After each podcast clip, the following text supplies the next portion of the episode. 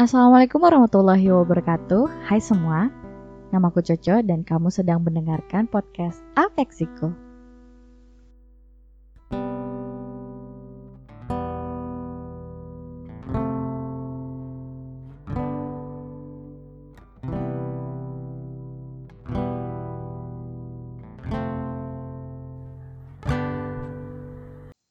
Di episode kali ini, aku mau membahas tentang bagaimana kita berkawan dengan stres. So, simak baik-baik penjelasanku dan semoga kalian bisa terinspirasi. Kalian percaya nggak sih kalau manusia itu sebenarnya makhluk yang dinamis? Dinamis artinya banyak melakukan hal yang baru, banyak terjadi perubahan, dan setiap harinya tuh ada aja yang terasa tidak sama gitu. Setiap hari kan manusia kalau bangun pagi, terus pergi dan beraktivitas walaupun rutinitasnya sama. Kadangkala hal yang dilakukan itu jadi cenderung berbeda gitu. Ketika kita melakukan rutinitas, biasanya kita tuh udah hafal mau ngapain, mau ngapain gitu kan. Tapi ternyata setiap rutinitas yang kita jalani, walaupun kita udah sehafal apa pun, sudah terbiasa kayak apa pun, tapi tetap aja setiap harinya ada masalah, ya kan? Ketika kita menemukan masalah, di situ mulai terjadinya konflik pada seorang individu. Mungkin ada sebagian individu yang dapat menghandle konflik yang terjadi pada dirinya, namun sayangnya ada juga yang enggak. Nah, kondisi orang yang enggak ini biasanya memicu untuk mengalami stres. Nah, kalau udah stres kayak gini, biasanya kalau berkepanjangan, biasanya bisa timbul masalah psikologis. Stres itu sendiri apa sih?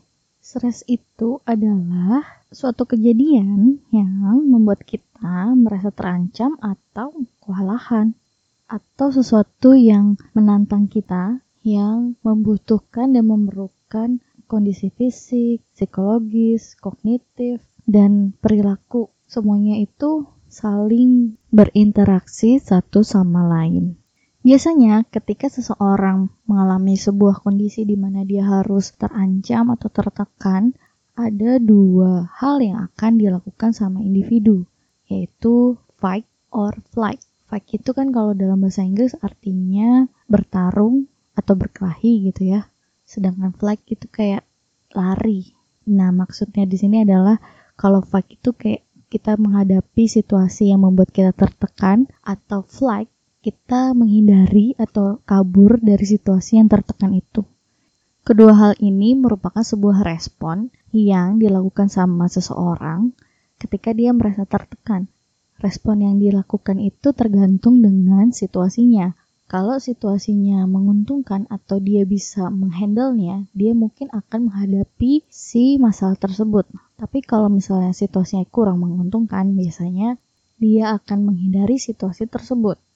Ternyata dalam menghadapi situasi yang menekan, menurut ahli etologis atau ahli yang mempelajari tingkah laku hewan, seekor mamalia itu punya tingkah laku yang khas dalam menghadapi situasi yang mengancam.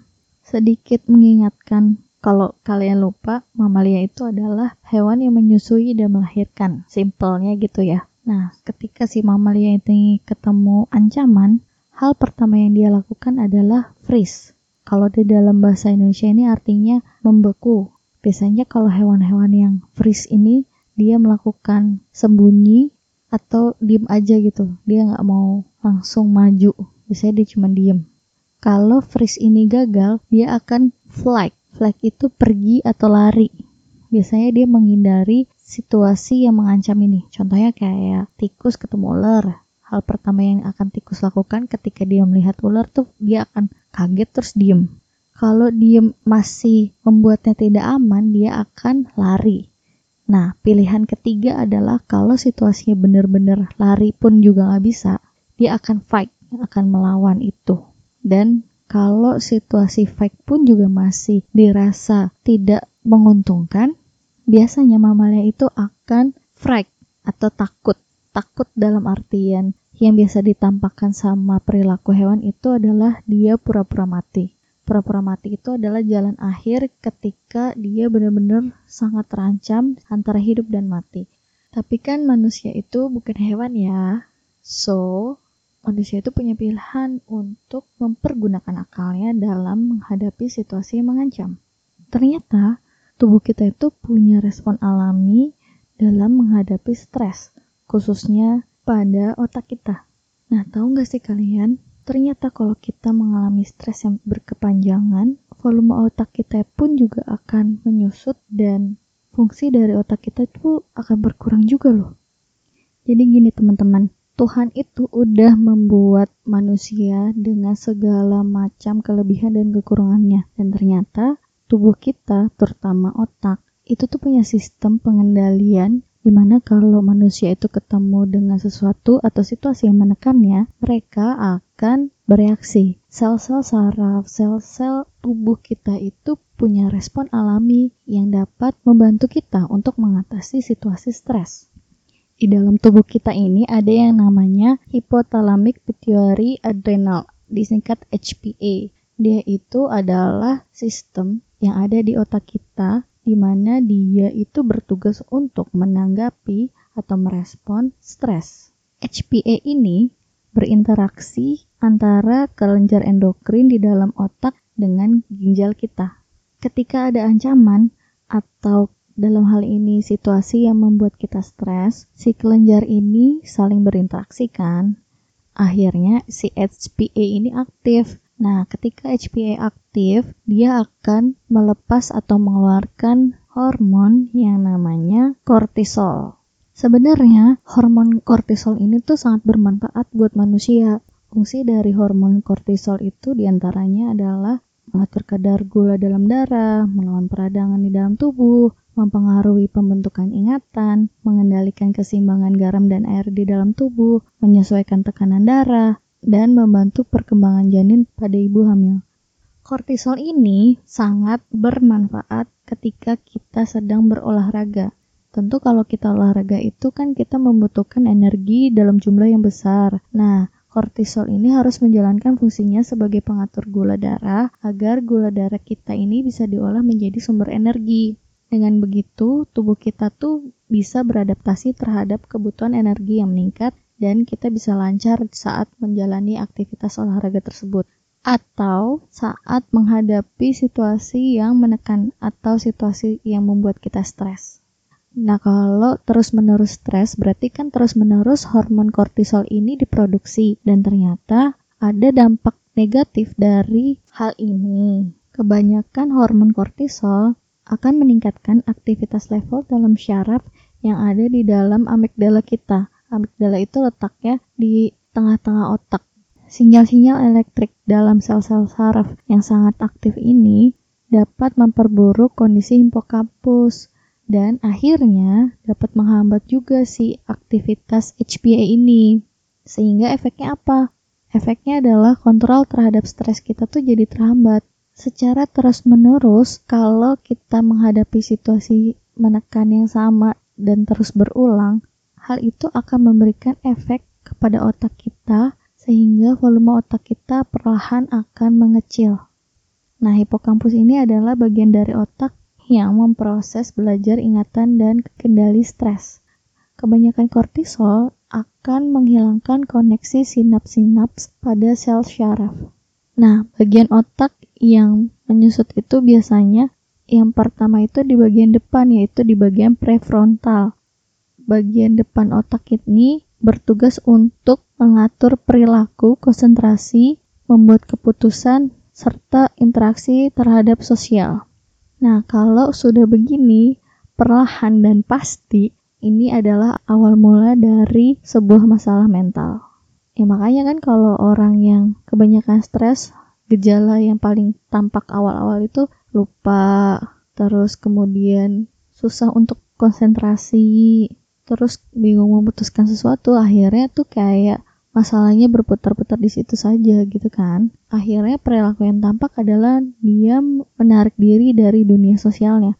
Sebenarnya stres itu nggak melulu merugikan loh stres itu ada karena untuk kita tetap waspada, tetap siaga dan konsentrasi untuk menghadapi suatu hal gitu.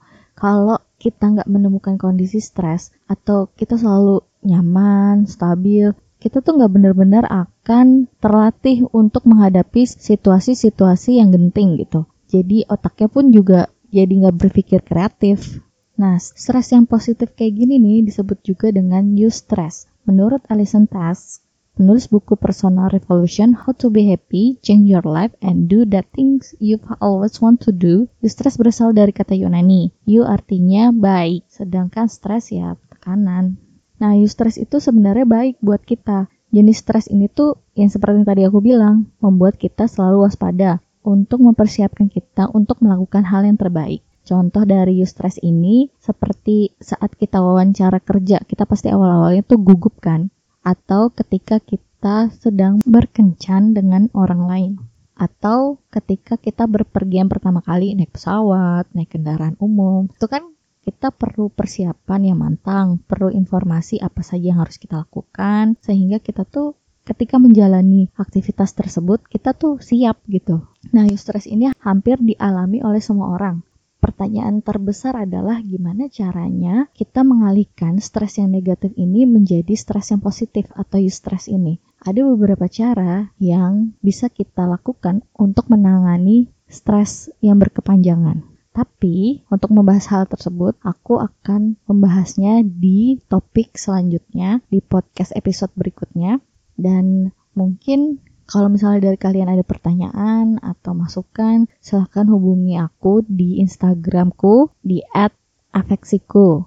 Kesimpulannya adalah kalau kita mau berkawan dengan stres, kita harus tahu betul apa itu stres, gimana prosesnya, dan apa efeknya sama tubuh kita. Jangan sampai kita mengalami stres tapi kita nggak bisa ngehandle-nya atau jangan sampai ketika kita ada masalah sedikit terus kita langsung berpikiran yang berlebihan gitu. Sebenarnya stres itu masih tetap dibutuhkan oleh tubuh supaya kita tuh bisa kuat terhadap paparan atau tekanan-tekanan yang ada di sekitar kita.